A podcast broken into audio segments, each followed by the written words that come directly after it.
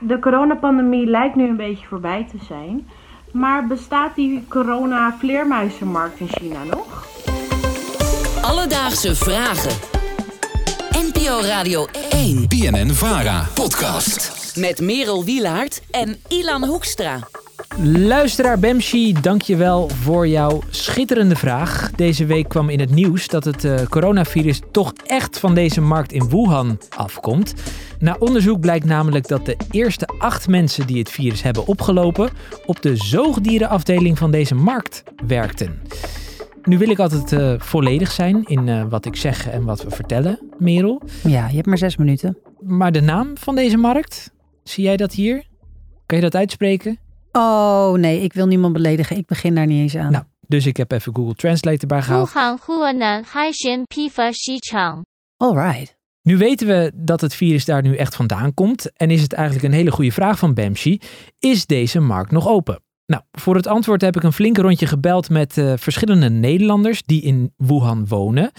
Maar eigenlijk niemand wilde mij te woord staan. En dat Hmm. kwam eigenlijk omdat ze zeiden van ja, de Chinezen die proberen dit zoveel mogelijk in een doofpot te stoppen. En als ik nu als Nederlander hier een uitspraak over ga doen in de buitenlandse media, dan word ik alweer aangekeken hiervoor. Dus dat vond ik al heel bijzonder. Maar goed, alledaagse vraag is alledaagse vragen niet als we geen antwoord zouden hebben. Gelukkig hebben wij Fred Sengers in huis, onze China-deskundige. En hij heeft de Chinese media erop nageslagen en heeft het antwoord voor ons gevonden. Fred, is die markt nog open? Nee. Uh, hij is uh, een paar dagen nadat de doktoren erachter kwamen dat toen nog die mysterieuze uitbraak van, van een longaandoening, dat die terug te leiden was op, uh, op een bepaalde markt in, in China, is hij direct gesloten. Maar hij is nooit meer open gegaan. Dus uh, het gebouw is er nog wel, het is afgegrendeld, het wordt bewaakt dat niemand erin kan.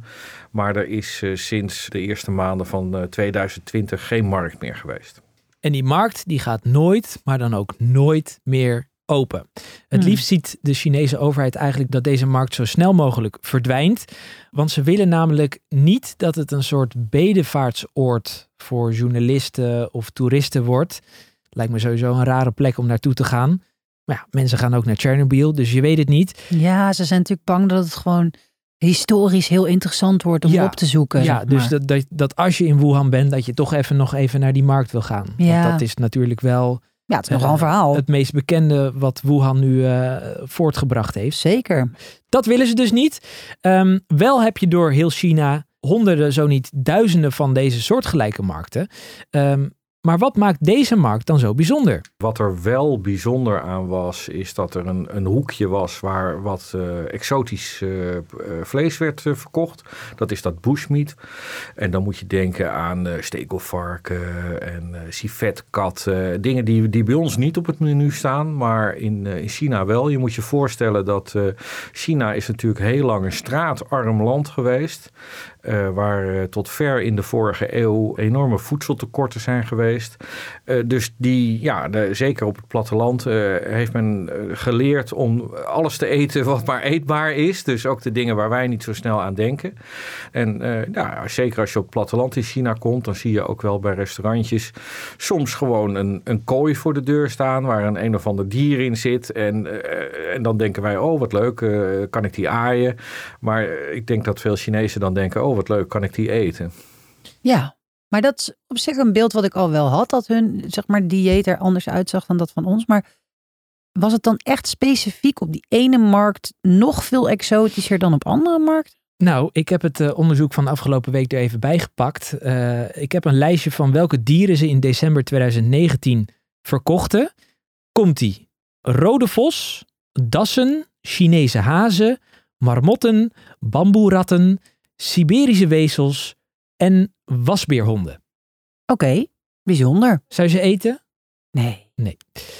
En ja, we dachten allemaal dat het de vleermuis was die dit uh, coronavirus heeft uh, verspreid. Maar in dat onderzoek staat nergens dat het expliciet een vleermuis is geweest. Dus het zou ook uh, verspreid kunnen zijn onder een van deze beesten.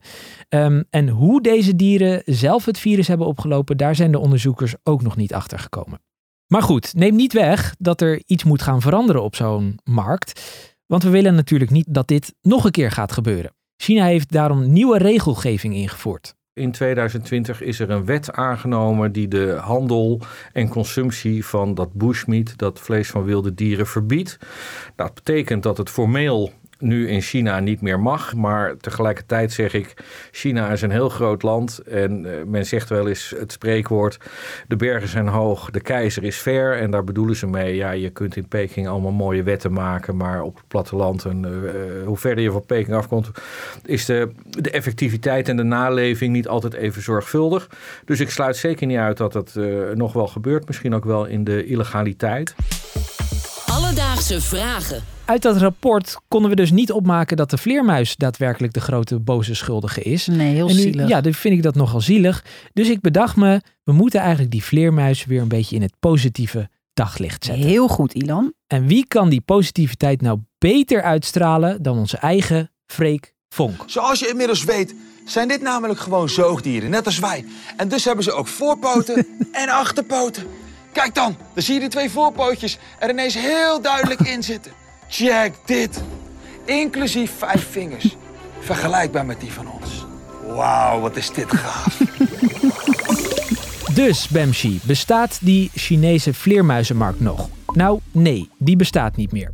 China wil dit hoofdstuk eigenlijk zo snel mogelijk afsluiten. En ook hebben we geleerd dat de wetgeving rondom het verkoop van deze beesten is aangepast. Het is verboden geworden. Maar of dat overal in China gaat gebeuren, dat is nog de vraag. Heb jij ook een vraag? DM ons op Instagram, Alledaagse Vragen. Of stuur een mailtje naar alledaagsevragen.radio1.nl Alledaagse Vragen. NPO Radio 1. BNN Vara. Podcast.